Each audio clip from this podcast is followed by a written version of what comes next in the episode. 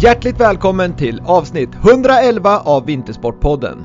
Nu är vintersporterna i full gång, vilket är mycket roligt. Vintersportpodden har många härliga och givande avsnitt som jag varmt rekommenderar er att lyssna på, om ni inte har gjort det såklart. Det kommer ge er massor av inspiration, energi och kunskap. Vintersportpodden har gäster inom många olika idrotter, både aktiva, före detta aktiva ledare och personer runt om laget och individerna. För att Vintersportpodden ska växa och fler ska få möjligheten att ta del av mina samtal är jag otroligt tacksam om ni delar Vintersportpodden i era nätverk. För att inte missa nya avsnitt vill jag tipsa er om att prenumerera på Vintersportpodden. Det är såklart kostnadsfritt. Vill ni ha mer information om vad som händer och är på gång inom Vintersportpodden och annan inspiration så kan jag varmt rekommendera er att följa Vintersportpodden på Instagram och Facebook. Stort tack för att ni lyssnar, sprider och följer Vintersportpodden. Detta avsnitt är i samarbete med Brooks, The Running Company som grundades 1914 och fokuserar helt och hållet på löpning. Med lång erfarenhet och stor kunskap är det ledande utvecklingen av löparskor och kläder. För att få inspiration och skonsam löpning i vinter tycker jag ni ska unna er ett par nya skor och kläder med bra synlighet och reflexer på. Run Happy med Brooks, The Running Company.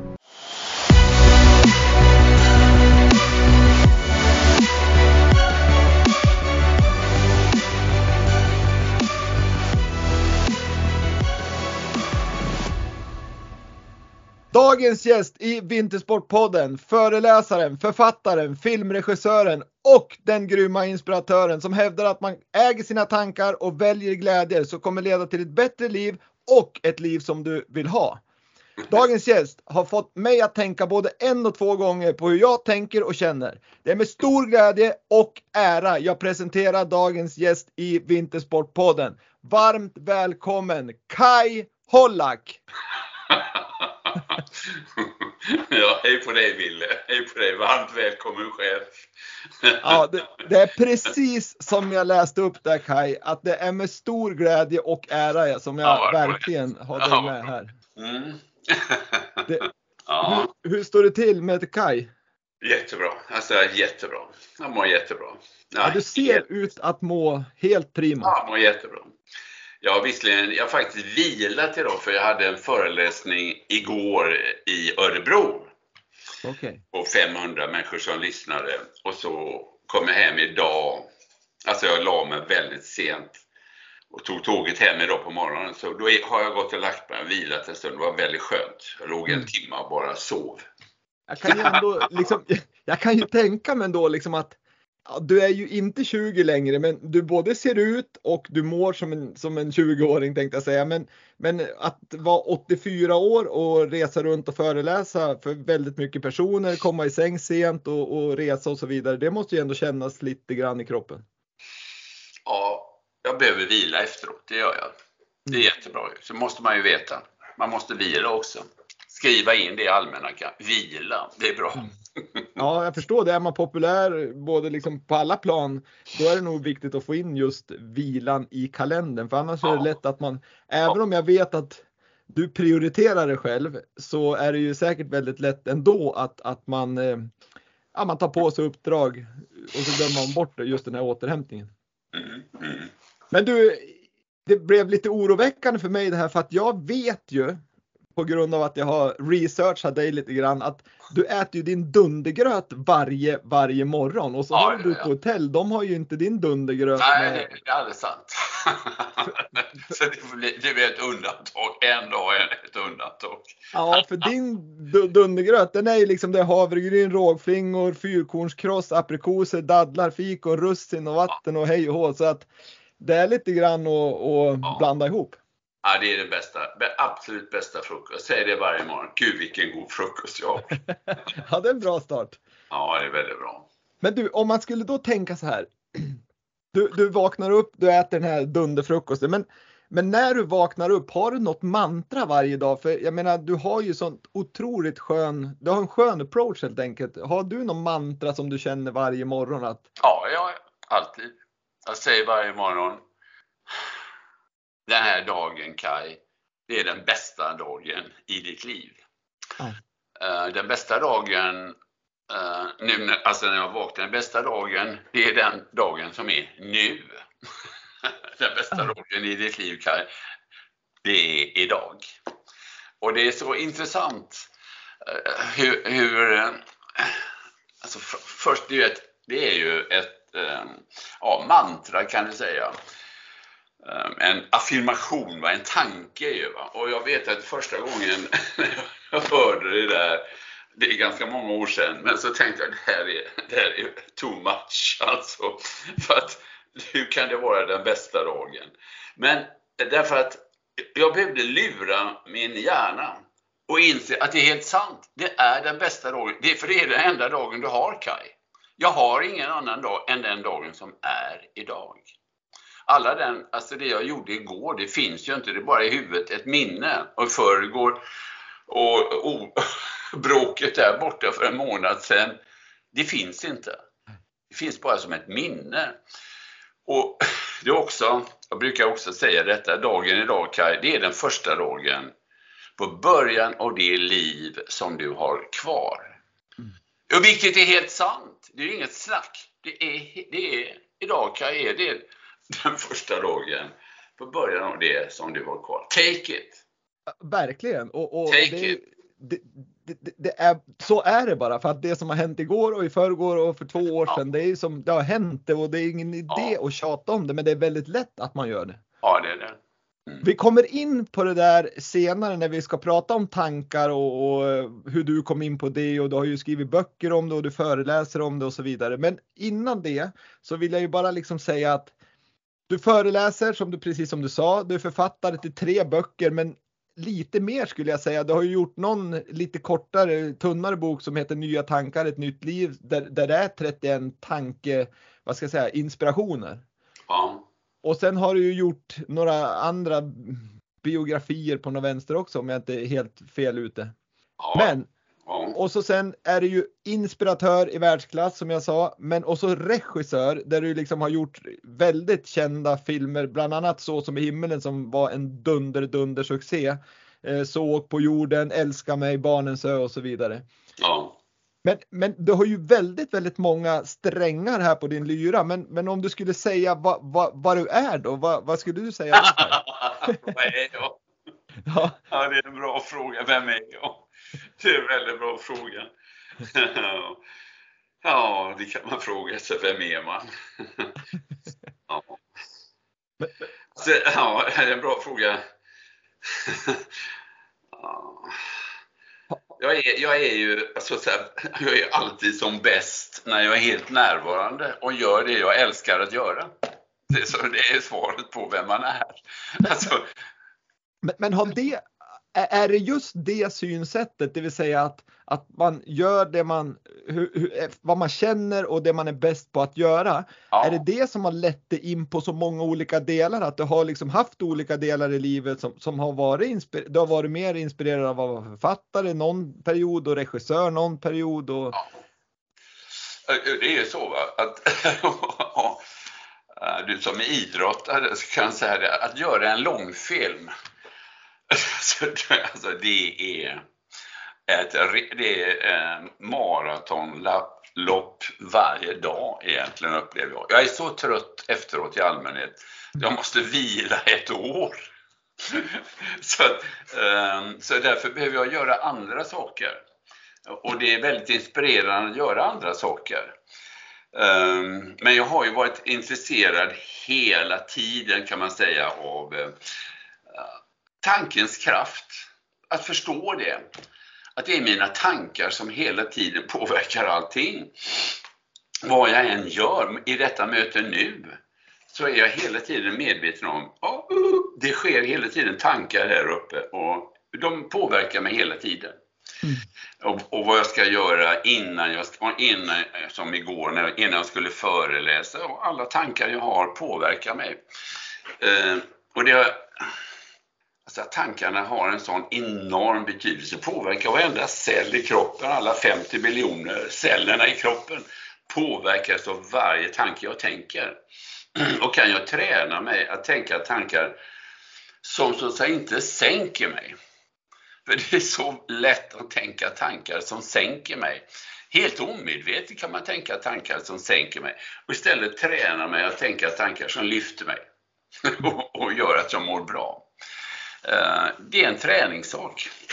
Och, och det här, bland annat då så, så har du ju skrivit, som jag sa, tre, om man säger tre böcker som bygger på varandra i alla fall. Den första kom 94, Att växa genom möten. Den andra kom 2001, Att välja glädje. Och den sista nu då som heter Ett bättre liv som kom 2022 som egentligen också bygger på de andra. Men, men den har du som du säger, den har du hållit på att skriva på i 45 år. Ja, egentligen. egentligen. Ja, egentligen. Men till slut så tänkte jag att du ska skriva en bok alltså, som på något vis sätter pang ihop alltihop. Mm. Den här boken, Ett bättre liv, den består av sju böcker. Och bok ett handlar bara om egentligen först, alltså en slags inledning, grundkurs. Varenda tanke jag tänker påverkar mig. Mm. Att veta om, jag kan alltså med hjälp av min tanke flytta mig från att må dåligt till att må bättre. Och till och med till att jag upplever att jag mår riktigt bra. Eh, jag måste inte stanna kvar där i en slags irritation, en slags eh, olycka. För jag kan flytta mig. Och det, det är ju ingenting som jag har hittat på, det är urgamla saker men jag använder ju det som ett exempel. Hur kommer det sig att Nelson Mandela efter 27 år i ett fängelse kommer ut utan bitterhet?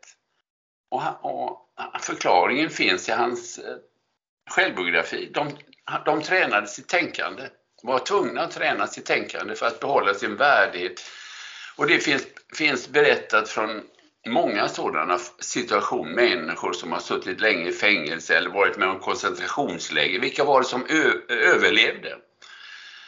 De som hade en medvetenhet och som hade också en bild av sig själv som levande efter att lägret var slut. Uh,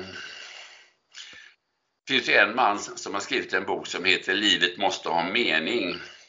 Viktor Frankl. Han, han eh, överlevde Auschwitz, men också med hjälp av en bild inom sig som han hela tiden tänkte på. Tankar är skapande, så enkelt är det. De föder någonting i, i min kropp. Ja, det, det, ja, det finns nog ingen som kan säga emot det och, och, precis som du säger Nelson Mandela, så många år i fängelse och jag misstänker att det inte var jätteroligt fängelse han satt i heller. Nej, det var där var det verkligen träning som, är verkligen krävdes. kränkta och, och så vidare. Va? Men behålla sin värdighet där, det är fantastiskt. Ja. Men du, innan, innan vi går in på tankarna här så måste ja. jag bara damma av tänkte jag säga. Jag vill inte säga ordet damma av egentligen, men jag måste ändå säga. Du får använda. ja, nej, men jag, du gjorde ju den här äh, jättesuccén Så som i himmelen. Ja. Eh, där du liksom, där du verkligen, ja men det var en film som, som var gripande och, och väldigt, väldigt fantastisk på många sätt. Men den, den är det någonting du fortsätter liksom, tänker du fortsätta med, med filmskapandet eller är det någonting du har lagt på hyllan för att ägna dig åt föreläsningar och, och arbete med, med, kring det här just tankeföreläsningarna? Nej, det är inget jag har lagt på hyllan. För jag kan ju visa det här, men, men det finns här exempelvis tre permar eh, med olika film, alltså väl genomarbetade, mer eller mindre genomarbetade filmmanus. Men frågan är, jag är 84 år, ska jag orka göra en ny, ny film? Ska jag gå in i det en gång till Kaj? Men det kommer att ta två år av mitt liv. Det är som du säger, det är som att springa ett maraton varje ja, dag. Det är eh, väldigt, man måste vara ung och stark för att orka, eh, för att riktigt genomföra det. Så nu, där jag är just nu, eftersom boken kom ut för en, eh, ja, fyra veckor sedan, så går jag faktiskt liksom med en kompass. Vad ska jag göra nu? Mm. Vad ska jag göra nu? Jag vet inte riktigt vad ska jag göra nu. Det är en väldigt skön känsla att vara i. Vi får se vad som händer, vad ja, som jag kommer. Förstår. Jag förstår. Men du, ja. den eh, Gabriella Sång som, som är med i den eh, låten, som är ja. för övrigt en helt otroligt bra låt. Jag, jag, jag, tycker liksom den här texten säger så mycket som jag, jag tycker liksom jag, jag tänker nästan på dig när jag hör de här orden. Jag vill känna att jag lever, all den tid jag har ska jag leva som jag vill. Jag vill känna att jag lever, veta att jag räcker till.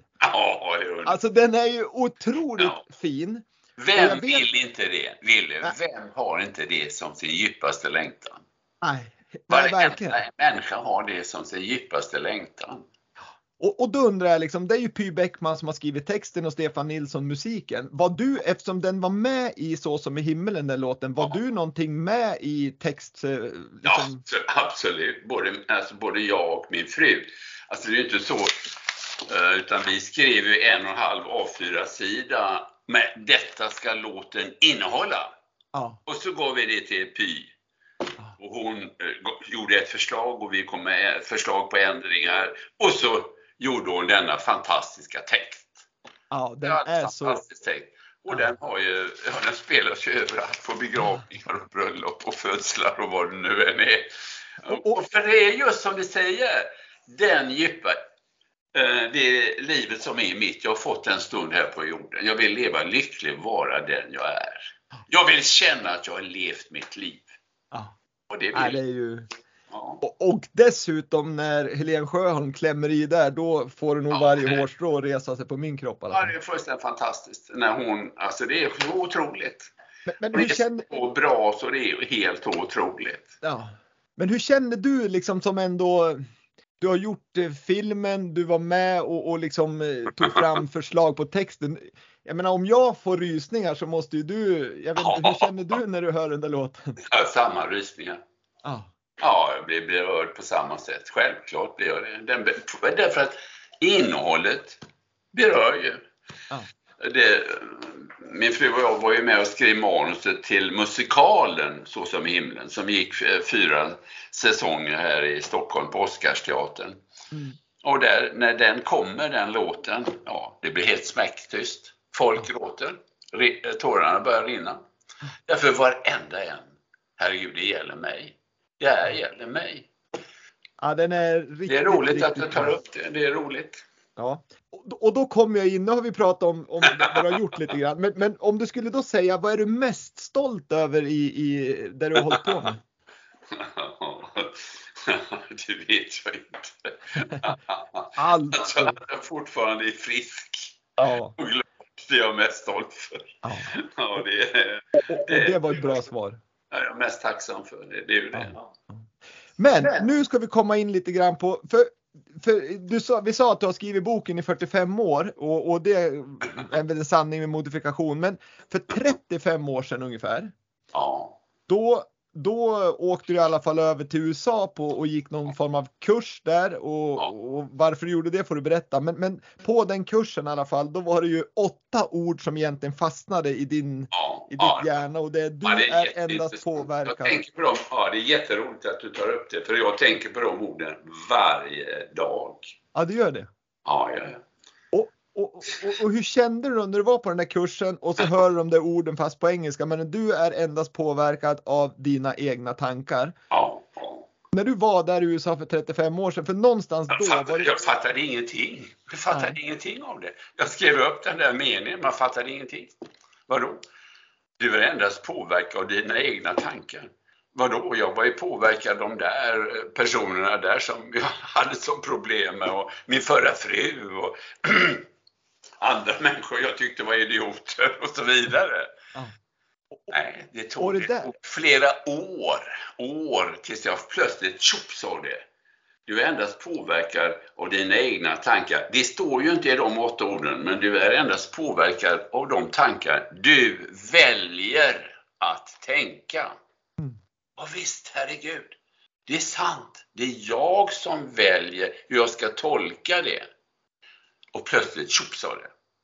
Det är något som jag inte hade fått lära mig.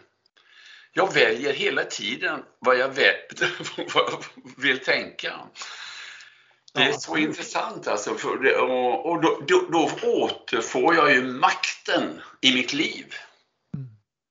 Uh, annars, annars mår jag ju dåligt därför att de är som de är, de här som är så dumma. Nej, jag kan välja att ändra mina tankar. Det är ju hela hemligheten med, som vi berättade, som du sa, om Nelson Mandela. Han, han, de fick ju träna sig att välja sina tankar. Det var vad det handlade om. Men, men jag tänker då om, om eh, du har ju hållit på länge och tränat dig på det här och, och som du sa, precis som många, jag kan säga det är nog de flesta av Sveriges befolkning, de tänk, eller världens befolkning, de tänker nog precis som du sa, den där jäkla idioten eller vad dum eller det är si eller det är så. Men nummer ett, hur har du tränat dig att styra dina tankar? För du har ju hållit på länge, du liksom, det är ingen quick fix det här eller? Nej, det var det ju inte. Det tog lång tid, flera år innan jag förstod egentligen innehållet. Men eh, det är ju inte så att jag klarar detta varje dag. Jag får hela, precis, precis som du, träna precis hela tiden. Eh, för, för det finns liksom en mystisk kraft. En, en mystisk kraft, vet du, som på något vis hela tiden, jag kallar det för mitt kritiska jag. Ett fördömande, ett kritiskt jag som dyker upp. Eh, man sitter på tåget, ska den personen sätta sig in till mig? Ja. Det säga, är en, en tanke som håller på att, att lägga ner någon, alltså någon, en negativ tanke helt enkelt. Ah, du är endast påverkad av dina egna tankar nu Kai. Du är endast påverkad av de tankar du väljer att tänka. En annan person som sitter där skulle kunna tänka helt andra tankar. Ta, vakna, börja, börja se, fundera på hur du tänker. Uh, och det är om det där kommer upp på dig då vid tåget där eller någon annan gång, är det, är det det här liksom manta att du får liksom då tar du till de här åtta orden så att du spelar upp det och liksom ja. gör dig medveten om det? Ja, Ja, kan man säga. Ja. Det, det, det, det, det ordet du säger just nu, att vara medveten, det är ju egentligen hela hemligheten. Bara kolla på vad som rör sig här uppe i huvudet. Tänker jag det. Du har kanske läst i boken, finns ju ett exempel om den här mannen som satt 18 år i det där fängelset i Marocko. Han insåg, ska, alltså det var tre som överlevde detta fruktansvärda fängelse. Tre personer efter 18 år hade suttit i totalt mörker. Och han överlevde. Och han hade bestämt sig för ett, jag insåg på ett tidigt stadium att folk runt mig dog inte av svält. De dog av hat. Att ha, för, att ha hatiska och fördömande tankar, det var som att ta cyankalium. Jag bestämde mig på ett tidigt stadium för att träna mitt tänkande. Det krävdes disciplin, gymnastik, men jag skulle träna mig. Det vill säga, rent, det var ju otroligt. Och så skaffade han också den där bilden, en, en, en, hur han skulle se ut, känna när han var, äntligen var, den dagen han var fri. Jag skulle komma ur fängelset och röra vid den där svarta stenen i Mecka. Och varje gång han, han rör den, ser den bilden i sig själv, så händer ju detta fysiskt i kroppen. Kroppen bryr sig inte om om det var en verklig händelse eller om en fantasihändelse. Så varje gång han ser den där bilden inom sig så upplever han samma sak som om han var där på riktigt. Och det påverkar ju varenda cell i honom. Så det är så lärorikt. Vet du. Ja, verkligen. Alltså, och, och egentligen, om jag, om jag ska liksom, det, det, är ju ganska, egentligen är det ganska enkelt och självklart. Men det måste tränas på, som du säger, gör hjärngympan varje dag. Men, men det som, det jag kan tänka mig liksom, för lite om jag ska vara liksom, ja, lite öppen och ärlig sådär Kaj, så, så är det ju... Skulle du inte vara det? nej, men, nej, men, det bästa blir om du blir öppen och ärlig. ja, men jag tänker din, den här boken, alltså sista boken är Ett bättre liv som är ja. väldigt liksom jättebra bok, men observera att det är typ en handbok mer. Att man, ja. man, man, det är ingen liksom roman man sätter sig och läser, men det är en väldigt, väldigt bra handbok. Och läser man den så kan ju säkert vissa tycka liksom att det, det blir, ja, liksom att det blir så extremt. Men egentligen är det inte det. Men, men jag tänker så här att om man har råkat ut för någonting väldigt, väldigt tufft, vi säger att man har fått ett cancerbesked eller att någon har Ja, det sant. Ja, men man, någon nära anhörig har gått bort eller liksom att någon barn har blivit påkörd. Då är Ja. det inte så jävla lätt att bara det här, att välja glädje. Det står hur väldigt, väldigt det? tydligt i boken att det handlar inte om sådana situationer. Jag menar om mitt barn, eh, jag får besked nu om att mitt barn har dött i en eh, bilolycka. Mm. Ja, då, kom, då är det naturligtvis en katastrof och, och en sorg och förtvivlan och den måste ju levas ut. Det handlar inte om att nu ska jag förneka mina käns eh, jobbiga känslor. Det handlar inte om det. Men däremot att bli medveten om att även då, nu är vi ute uppe på överkursernas överkurs, Mm. även då finns det en möjlighet att eh, träna sitt tänkande, se upp på vad, hur jag tänker. Och, och du som är idrottsman och intresserad av det kan ju titta på Paralympic-människorna.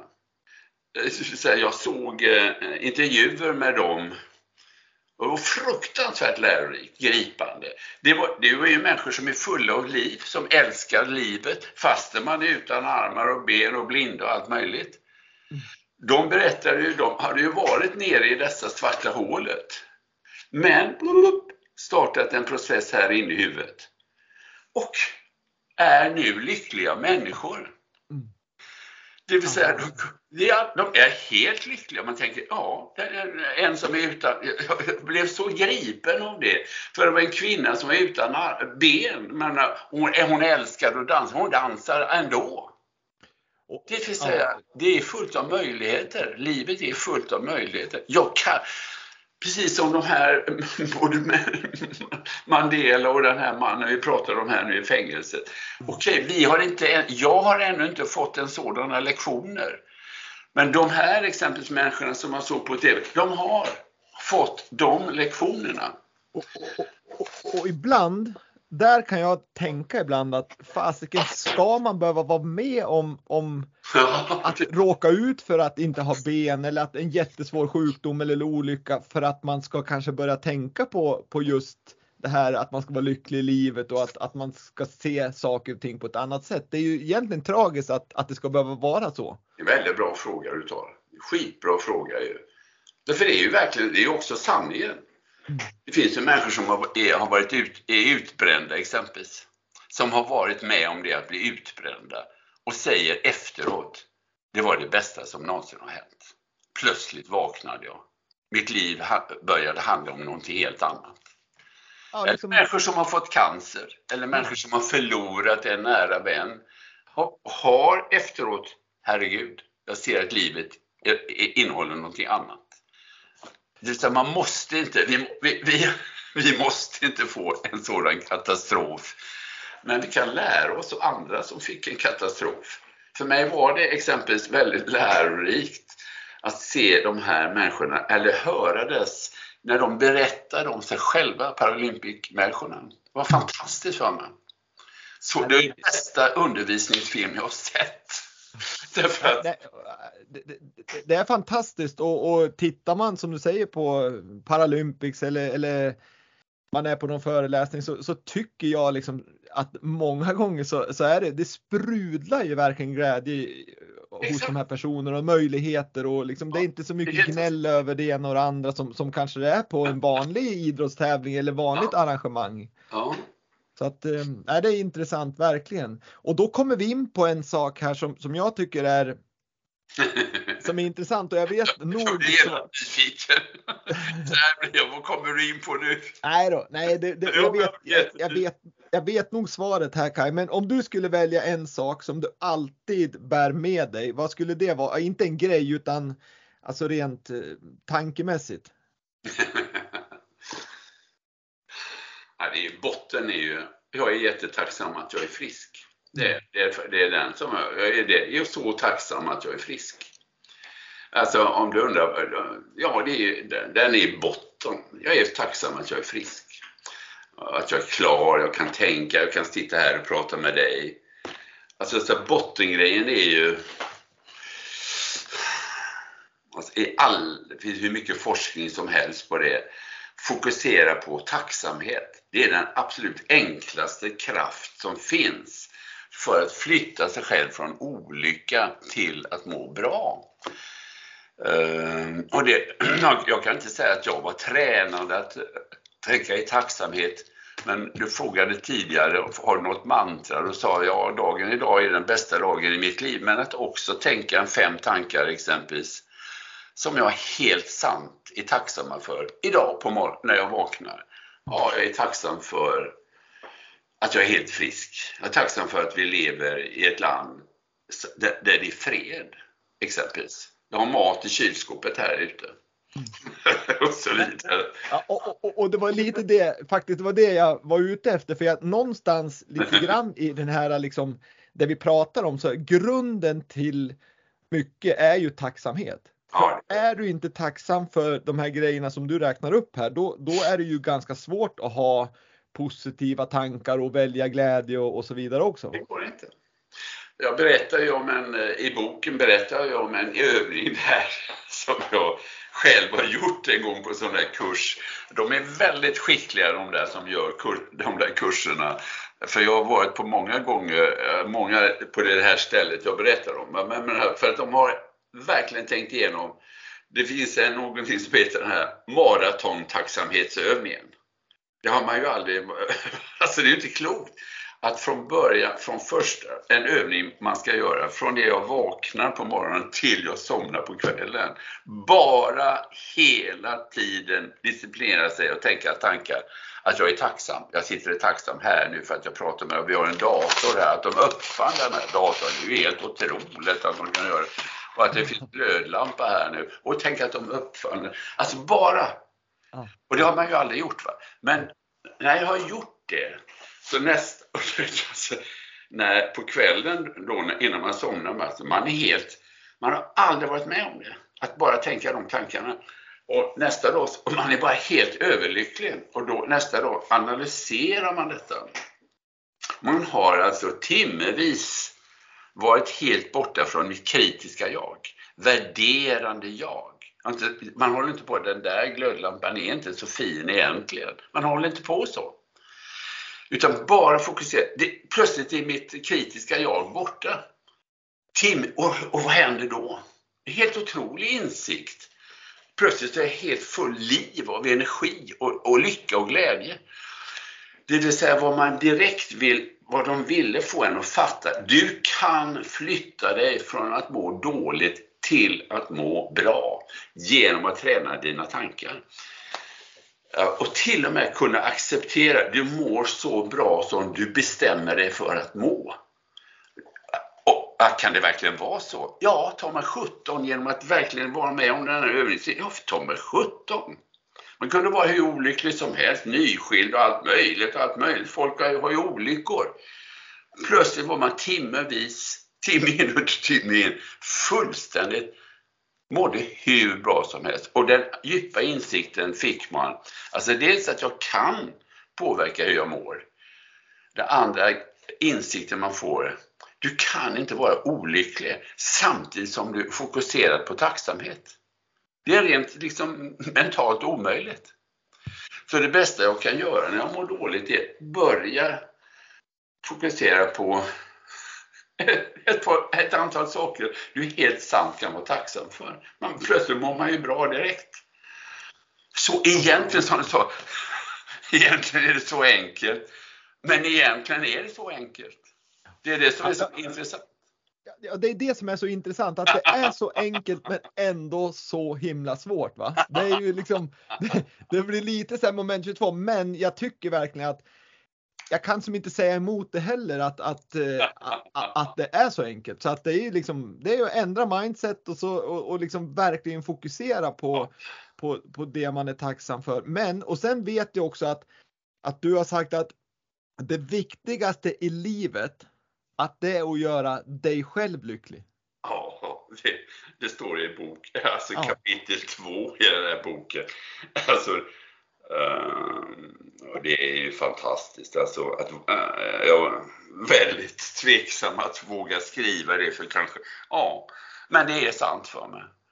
Det viktigaste uppdrag jag har i mitt liv, det är att göra mig själv lycklig. Och varför är det så? Oh, det dyker upp hur många misstänksamma tankar som helst.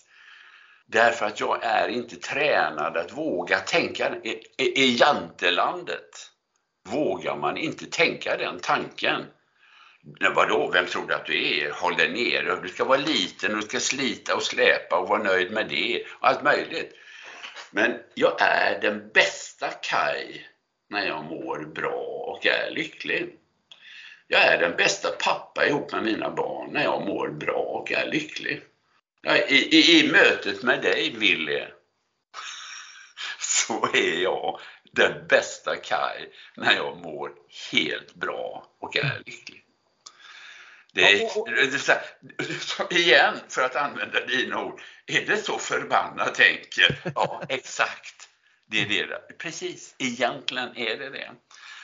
Så att våga acceptera det, det viktigaste uppdrag du har egentligen, det är jag vågade inte skriva det i boken faktiskt, för det skrev jag först. Alltså första versionen var ju det viktigaste uppdraget du har i ditt liv är att göra dig själv lycklig. Det står inte så. Det står ett av de viktigaste uppdragen. Det var för att hjälpa läsaren lite. Okej, okay, det finns kanske andra viktiga uppdrag också. Men, men det är det viktigaste uppdraget. För, men, men det, det, är lite, det, eller lite, det är ju rätt egentligen. Din första version är, är rätt tycker jag. För att tittar, du på led, tittar du på ledarskap så är det ju liksom samma sak att för att du ska kunna leda andra så måste du ju först kunna leda dig själv. Absolut. Och ska du kunna vara din goda medmänniska ut mot, mot alla dina medmänniskor så måste du ju först liksom vara lycklig i dig själv för annars blir det ju bara tok till slut. Men då är frågan på, på den just, det är ju liksom att många människor de tänker mer på andra, att de ska ha det bra och må bra än sig själv. Det är ju en sak. Och sen måste jag ju fråga, är det om man nu går och, och liksom det viktigaste i livet och göra dig själv lycklig. Och du var själv inne på det här med jantelandet att uppfatt, man kan ju säkert uppfattas som väldigt, väldigt egoistisk. Ja, det kan man. Jag vet ju det att det, det möter, det möter motstånd. Mm. Jag har ju mött det motståndet. Det är inga problem för mig att höra det motståndet. Eh, därför att i boken har jag bara skrivit det som är absolut sant och det är absolut sant för mig. Men människor har en rädsla för att våga tänka den tanken. Vad ska andra människor säga och tro och, och, allt möjligt och vem tror jag att jag är? Och, därför att vi är uppvuxna i det här som jag kallar offrens land. Därför att det är förbjudet att tänka sådana tankar. Och det är förbjudet i Jantela. Du, i, i, i, bilden, nu tryckte jag på någon knapp här av något misstag. Hoppsan, nu försvann. Ja, kul, jag råkade komma. Hoppsan. Ja, det är fantastiskt Nej, men... bra att tekniken är att man kan se den.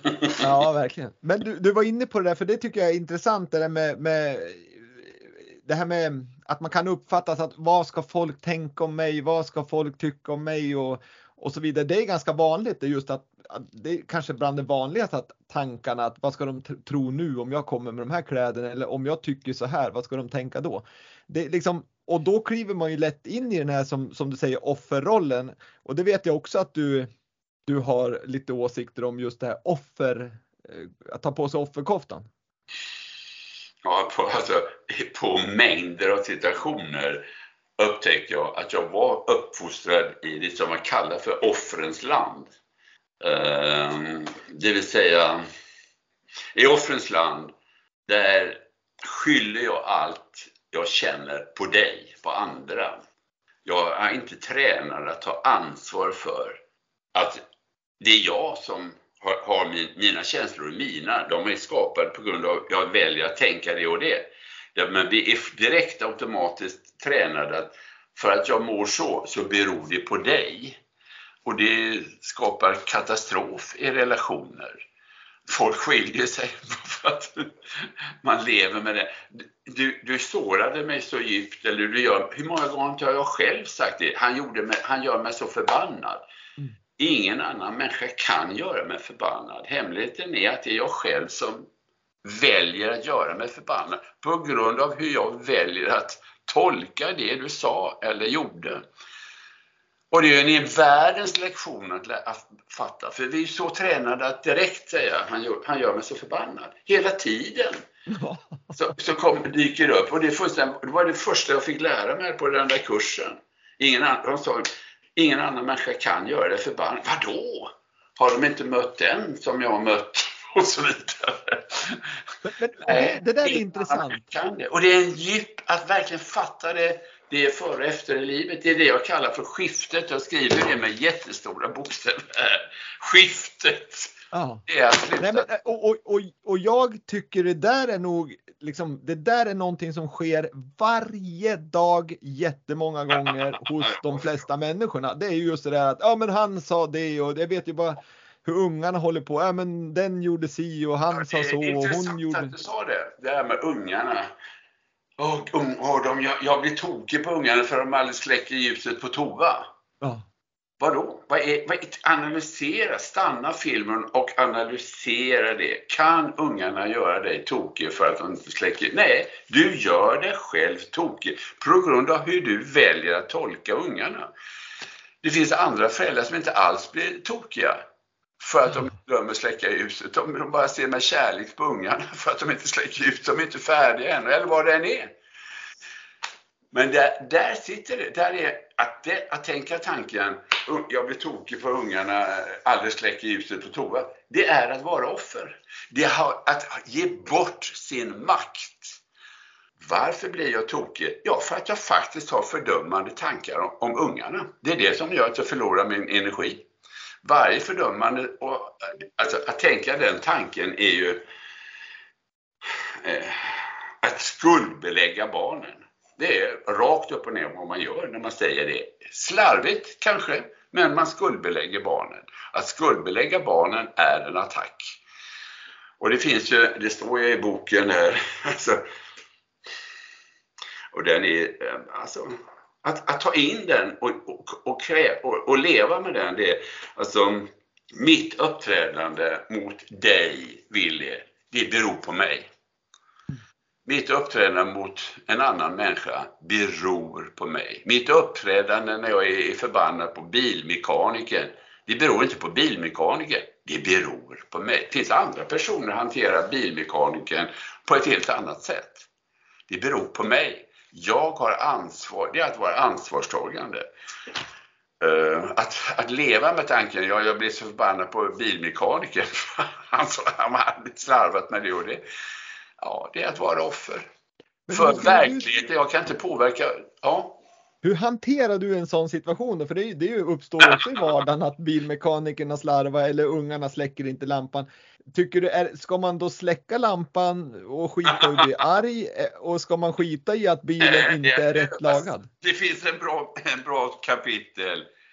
Så det är egentligen så jäkla bra så det inte är Det som sker, det sker för mitt eget, när jag blir irriterad på ungarna för, för att de inte släcker ljuset på toa, om vi tar det som exempel. Ja, ja, ja. Så första tanken är, det sker för mitt eget bästa. Varför sker det för mitt eget bästa? För att jag ska lära mig hitta ett annat sätt att vara på. Än att fördöma och, och, och tjata och gnälla på ungarna för att de inte släcker. Det finns andra sätt att vara.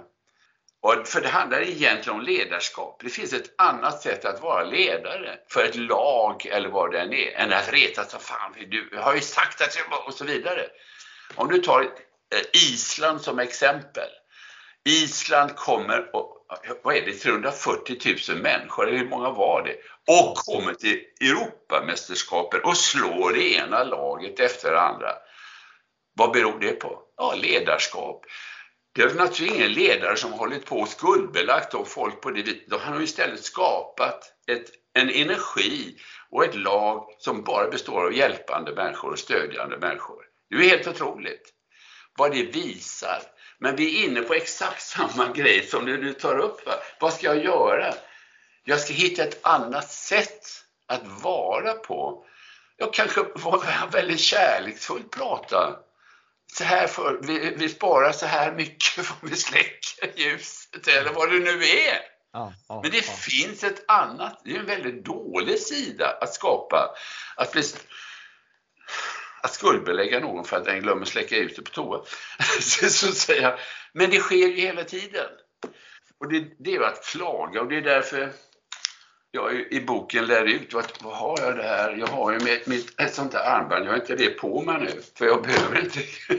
Men den där lära sig, den här 21 dagars övningen. Ja, jag, tänkte precis, Ja. jag, tänkte, jag tänkte bara fråga den här 21 dagars övningen, är den avklarad? För den körde du med Alexander Pärleros vet jag.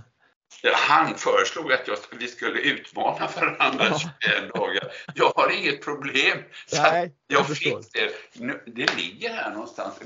Jo, det ligger här. Här är det. Ja, där är det. Ja, just det. Här är armbandet. Och det, det, det är... Alltså, eftersom du kom in på detta eh, med eh, barnen så att säga. Ja, ja.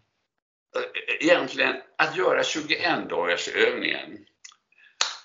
Då behöver du aldrig mer gå på några kurser i personlig utveckling, jag lovar dig. Du behöver inte gå på en enda kurs om du genomför, för då har du förstått plötsligt allting. Den är en genialisk övning att klara i 21 dagar, att låta bli att klaga. Och varje gång jag klagar så byter jag, för då skapar jag ett minne i min kropp. Och det handlar om att kunna klaga, eller kunna vara 21 dagar i följd. Alltså inte 12 dagar, utan klarar jag 12 dagar och sen misslyckas så får jag börja om på noll. Att klara 21, då har jag ett, då har jag ett nytt mindset. Jag kan lova dig.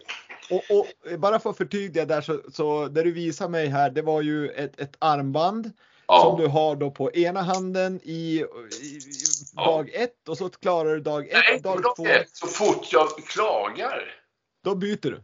då måste jag byta. Så kan jag byta t- 13 gånger på den här dagen för att klaga 13. Ja. Varje gång jag klagar Ja. så byter jag. Ja. Fy fan vad, fan vad de här lamporna är för jäkla dåliga alltså. Ja, åh jäklar, nu klagar jag igen. Ja. Städningen är dålig här, jag måste klaga igen. Ja. Och, Men- och när, när, när du har klarat 21 dagar i rad utan att klaga, då, Då är du mål. en annan. Och, ja, och då undrar jag, din första gång du körde den här utmaningen, hur länge höll du på då? I, det, var, det var ett halvår, vet. Ett halvår. ja, ja. Nej, så så det, det där är en bra övning och den tänker jag faktiskt köra fr- från, från och med när det här avsnittet sänds. Då ska jag köra det här, det här, eh, den här liksom armbandsövningen. Sen får vi se Ja. hur lång tid det tar. Ja, alltså det, det jag har hört människor som hållit på i år. Men, men en gång klarar man det. Ja. Och, En gång jag, klarar man ja. 21 dagar i följd. Och då är, då har någonting hänt här. Jag har slutat med mitt fördömande jag. Nej, det, det är jättebra övning och det, det, det är som du säger, det är ju verkligen en övning som, Det kostar ingenting. nej det kostar ingenting men det är ju fantastiskt lärorikt misstänker jag. Så att det kommer man ju få kämpa lite där skulle jag kunna tro. Men det ska jag göra, verkligen. Ja, Sen om det tar ett halvår eller ett år och så får vi se där när jag kontaktar dig Kaj och, och, Ja, och, det tycker jag du ska göra. Det vore roligt. och firar kan jag säga då. då. Ja, det, det är värt att, Det är verkligen värt att fira. Ja. Men du, eh, vi ska, vi ska ta, vi är inne på tankens kraft och offerland, offerlandet. Ja. Men jag tänker just tankarna kopplat till idrott då. Eh, I och med att vi har ju lyssnare som är idrottare på, i Vintersportpodden. Så jag vet av egen erfarenhet och jag vet genom att ha lett andra att tankar är ju någonting inom idrotten som verkligen påverkar resultatet och, och välmåendet hos många. Ja. För det är många idrottare som mår dåligt. Det är många idrottare som är världsmästare på träning men som aldrig lyckas på tävling på grund av att tankarna flyger iväg både liksom rent så här tankemässigt. Vad händer om jag inte lyckas? Vad händer om jag slår till höger där i golf? Eller vad händer om det, ja, bla bla bla. Men även yttre faktorer, det vill säga, nej men jävla skit, nu börjar det regna ute och hur ska det bli? Eller skit maten var inte bra eller vad det nu är då. Hur, liksom, jag förstår att det är en träning där, men visst förstår du, visst, du förstår idrotten att, att det här är ett stort problem. Ja, det kan jag förstå. Och, och, och här blir det ju egentligen, det är ju inget konstigare än det vi har pratat om tidigare i, i podden. Det vill säga att det är träning att ändra sitt mindset och, och byta sättet att tänka helt enkelt. Ja, det är det. Hela tiden. Um, Jag tänker ofta på det när jag ser um, ja, fotboll och ishockey på elitnivå, hur spännande det är. Hur, man, hur, man, hur plötsligt man kan se, hur plötsligt hur ett helt lag plötsligt går ner en helt annan energi. Vad beror det på? Plötsligt händer något helt, helt obegripligt. Och det är ju plötsligt, den, den, energin försvann ju inte utan det plötsligt på grund av tankar så skedde någonting. Och det är naturligtvis att vara otroligt vältränad i att kunna bearbeta sina sådana situationer. Eh, då, då, då har man ju lyckats som coach och hela laget. Att de alltså, nästan nedsläpp så att säga i ishockey. Det förflutna finns inte. Det måste vara helt nytt. Och, och, här tycker jag att idrotten generellt, men, men tar du vissa idrotter så tycker jag det ju är väldigt liksom där finns det väldigt mycket att göra kring, kring om jag säger det mentala, men, men kring tankarna och hur vi tänker och hur vi kommunicerar. För apropå det här med offer och, och, så vidare, det är ju väldigt mycket, om du tar hockeyn som ett exempel, där är det ju mycket liksom, det var jäkla skitpass och hur kan du dribbla på blå linjen där, det var ditt fel och, och, och den typen av, av kommentarer. Ett sånt lag kan ju aldrig vinna, aldrig kan vinna. Nej, det borde vara... Man, man ger varandra skuld, håller på att hacka på varandra. Det leder mm. aldrig någonstans. Nej, det kan ju inte göra det. För då, jag menar, du, blir ju, du skapar ju en rädsla då också. Ja, för tankarna, vad jag har förstått Kai på, på ditt, det är ju att det du tänker, det skapar ju någon form av, det är ju det som skapar känslan i kroppen. Absolut. Så tänker du knäppt, du, du, du får de här kommentarerna, ja men då, då får du ju en känsla i kroppen som gör förmodligen att du inte är i ditt bästa prestationsmode. Ja, ja. Men det ser man ju direkt om, om man ser plötsligt på en fotbollsmatch och så är det någon som misslyckades med en passning och, och den som då eh, skulle fått den där passningen gör taskiga miner. Åh gud, hur fett jag knäppt och så vidare. Det laget är ju kört kan aldrig uppnå excellensnivå. Det kan den inte. Och jag tror att det, det, exempelvis Island, där uppstod det. Det är inte så vi kan vinna genom att lägga, eh, vara eh, negativa mot varandra. Det, det skapar aldrig energi. Det enda som skapar ett lag är ju en bra lag, det är ju att alla inser att det är ett resultat av alla i gruppen och hur, hur, vi, hur vi lyfter varandra. Hela tiden. Och det är, det är en träning för varje människa. Och, och jag skulle rekommendera alla som lyssnar här och så sen skulle jag ah, vilja att ni sprider det till, till era klubbar, föreningar, eh, landslag, whatever. Det är ju att köpa in boken Ett bättre liv med Kai Pollak. För där har ni en bra handbok i, i ganska enkla saker som, som ja. är, sen tar det tid att, att ändra det här men, men man måste börja någon gång. Mm. Mm. Jag menar du började inte med det här när du var noll år Kaj utan det kom ju på senare dagar där du liksom kände att kanske du ville ha en förändring i livet på något vis. Alltså jag, jag har ju haft, jag har ju med jämna mellanrum eh, workshop med, i, i ledarskap. Och det använder jag, alltså, hur har jag lärt mig det här? Ja, genom att fundera på hur egentligen lyckas jag? Eh, om vi tar Så som i himlen som exempel, där är det fullständigt självklart för mig att varenda, alltså jag står ju här som regissör, där finns en kamera och där finns en skådespelare framför kameran. Och där finns ju andra människor i rummet, A och B-foto, A och B-ljud, en skripta och alla möjliga olika människor runt den. Och målet är att lyckas nu i den här scenen skapar guld genom kameran. Att när kameran går, då ska det komma ut guld. Och hur kan jag skapa det? Ja, om varenda människa i teamet vet att jag påverkar resultatet. Det är, först, det, är det första på, eh, på kursen om jag, om jag har, har en dag med teamet. Alla måste fatta. Och även, även den här killen som kanske är chaufför ska åka ut till flygplatsen i Luleå och hämta skådespelaren. Hur kan jag få honom att fatta att han är medskapare. Förlåt, jag, jag pratar.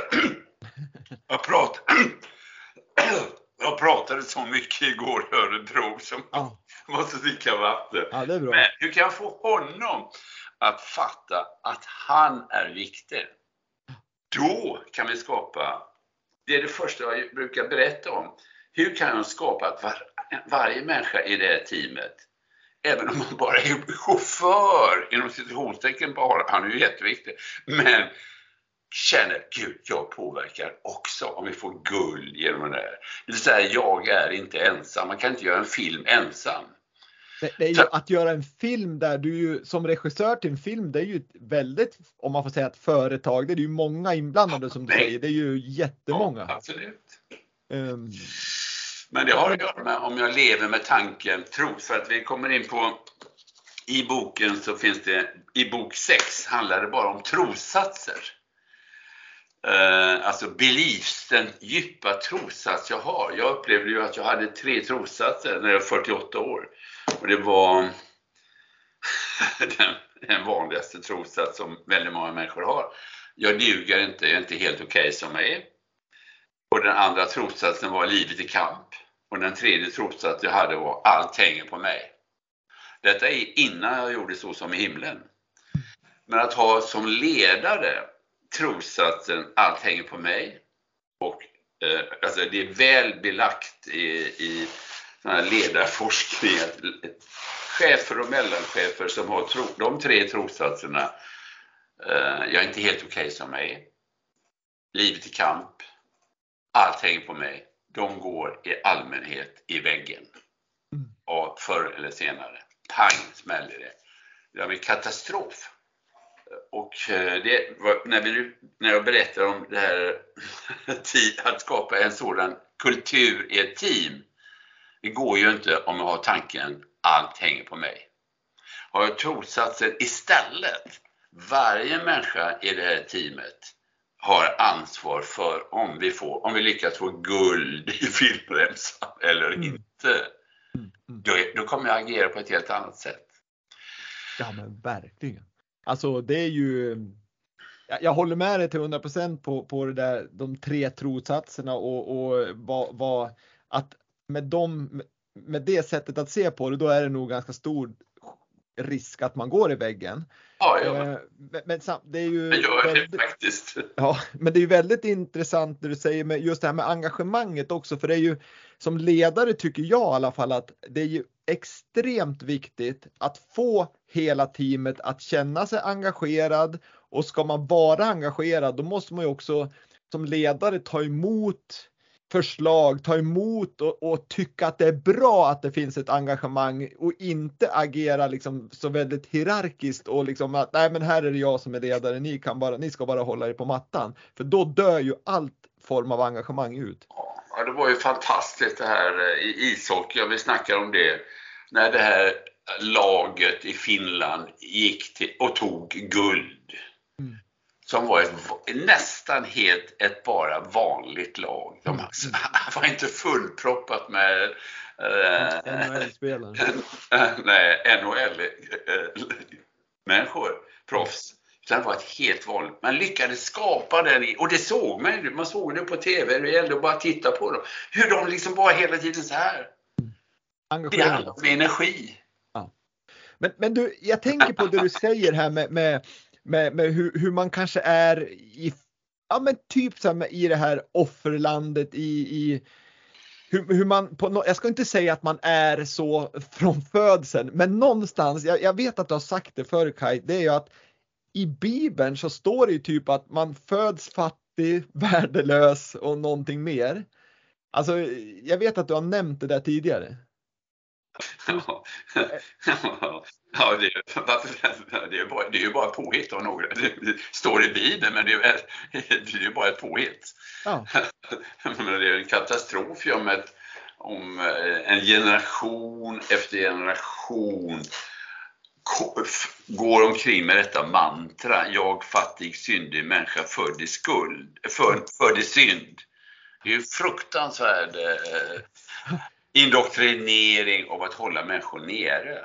Varför, varför är man inte, varför, hur skulle Sverige se ut om man i, i generation efter generation, ända från 1700-talet, hade tänkt varje söndag jag, rika, fantastiska, unika människa, född i kärlek och född i kraft, eller vad det än är, va? hade suttit och sagt det. Vilka hade vi varit då? Ja.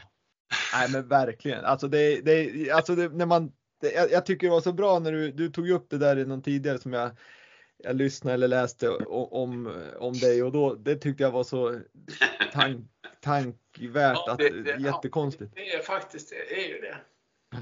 Ja, så är det. Men du, jag måste innan vi ska runda av det här avsnittet så, så, så för det första så måste jag som bara få få en liksom konkret, vi har pratat om det här ganska mycket nu, men från och med att man börjar träna liksom på att ändra sitt, sitt tankemönster och att man väljer ja. sina tankar och, och, man är själv ansvarig för dem. Mm. Hur skulle du säga då? Jag förstår att det är olika från person till person, men, men liksom det tidsperspektiv och hur liksom är det varje dag, vecka efter vecka man ska göra den här träningen och, och hur ska man tänka när man åker ner i källan? Trots allt så kommer det någon dag där inte liksom, det är glass och ballonger varje, liksom sådär. Har, har du någon sådär känsla på det? De tre bästa tipsen, är det det? Tre bästa tipsen hur man kan börja. Uh, jag tycker faktiskt man ska våga börja med en vecka att varje morgon bara känna efter, vad händer? Och observera, vad händer? Varje morgon säga när jag vaknar, dagen idag, det är den bästa dagen i mitt liv. Ja, det är faktiskt prova en vecka och känna efter, för fan vad händer?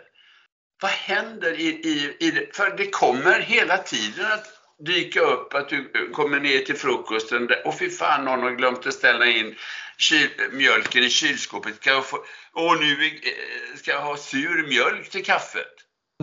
Dagen idag. Det vill säga frestelser som gör, idag kan dagen inte vara den bästa dagen. Det där är skitsnack. Dagen är ju fortfarande den bästa dagen i ditt liv.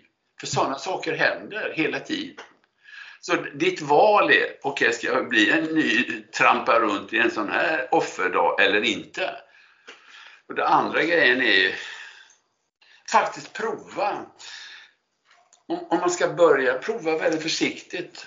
Ta fem tankar som du faktiskt varje morgon eller kväll kan du ta också, som är helt sant jag är tacksam för. Bara gör det och, känner, och se vad som händer. Alltså, ja, jag kan ju bara berätta och skrivit boken och, och berätta det har varit bra för mig. Jag vet ju inte vad som är bäst för dig. Men den riktiga, riktiga, om vi nu tar en riktig träning, alltså nu tar vi en till, men där krävs vilja. Det här krävs inte mycket vilja. Det krävs lite villighet att klara de här två. Va? Men, men att faktiskt varje gång du märker att du störs av en detalj. Fy fan, har, gud vad jobbigt, har de inte släckt, släckt ljuset i toa? Det är, nu kommer vi till överkursen i den här enkla överkursen. Det här sker för mitt eget bästa. För det är helt sant att det sker för ditt eget bästa att du blir irriterad. För det finns en bättre version av dig att få tag i om du, om, om du slutar med det där. Ja, det är, tre... det är helt sant. Ja. ja, det är helt sant. Det är helt sant Kaj.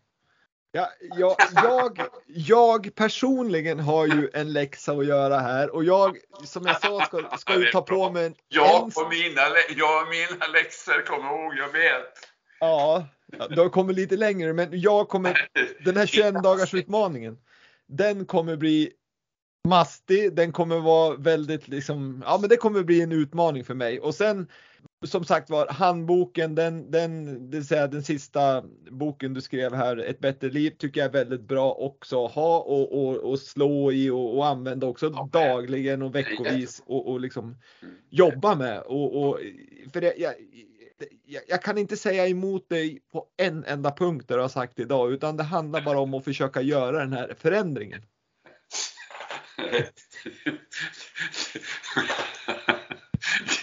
Det är roligt att höra. Jag har inte kunnat säga emot det på någon enda punkt. Nej, men... Syftet var inte att säga emot honom. Syftet var att lyssna. ja, det är roligt. Ja, det, är det är spännande. Men, och sen tänker jag göra så här.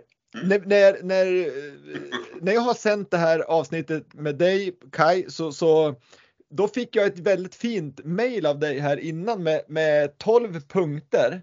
Ja. Eh, ett bättre liv med 12 hjälpande tankar är liksom överskriften. Och då hade jag tänkt att från och med att jag sänder det här och 12 dagar framåt så ska jag så ska jag skriva ut det här på min på Vintersportpoddens Instagram en tanke om dagen och då kommer du få bli taggad på den Kaj och då kommer du tycka att jag är jättejobbig efter 12 dagar. Men det får du köpa. Att, du då, att jag är taggad, vad kommer hända då? Nej, det kommer nog inte hända någonting mer än att du får upp ett, ett litet ett pling i din telefon att eh, Vintersportpodden har taggat Kaj Pollak. Men det är bra. Det är jättebra. Mm. Ja, det är bra. Nej, så att eh, jag är otroligt tacksam personligen att jag fick ha det här samtalet med dig Kai och lyssnarna är jag helt övertygad om att de är kommer ha väldigt stor nytta av det här och som jag sa, gå och köp ett bättre liv för att det, den boken kommer hjälpa er framåt i era tankar kan jag säga. Ja. Men, men innan vi slutar det här avsnittet så ska jag ställa samma fråga till dig som jag ställer till alla andra gäster i Vintersportpodden och den, ja. den kan du svara på ganska kort. Och den lyder så här.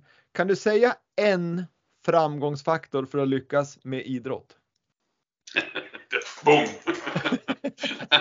det kan jag. Eller med idrott. Det kan ju vara att lyckas ja. ja i livet eller lyckas med att spela in så som i himmelen. Ja, man kan väl säga förmodligen det.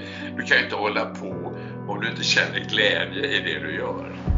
Alltså titta, alltså, alltså, alltså hur kommer det sig att någon äh, tar guld på skridskor eller någon tar guld i stavhopp? Vi ser ju, tycks vara glädje och passion. Mm. Verkligen. Alltså det tycks ju vara det hela tiden. Även efteråt och runt omkring. Okej, nu springer han bara 17 där och flyger över. Men även runt omkring. En gullighet och vänlighet och, och... Det är fantastiskt att se tycker jag. Inte ens på den här punkten säger jag emot dig Kaj, så att jag kan säga att du har lyckats. ja, det är roligt. Ja.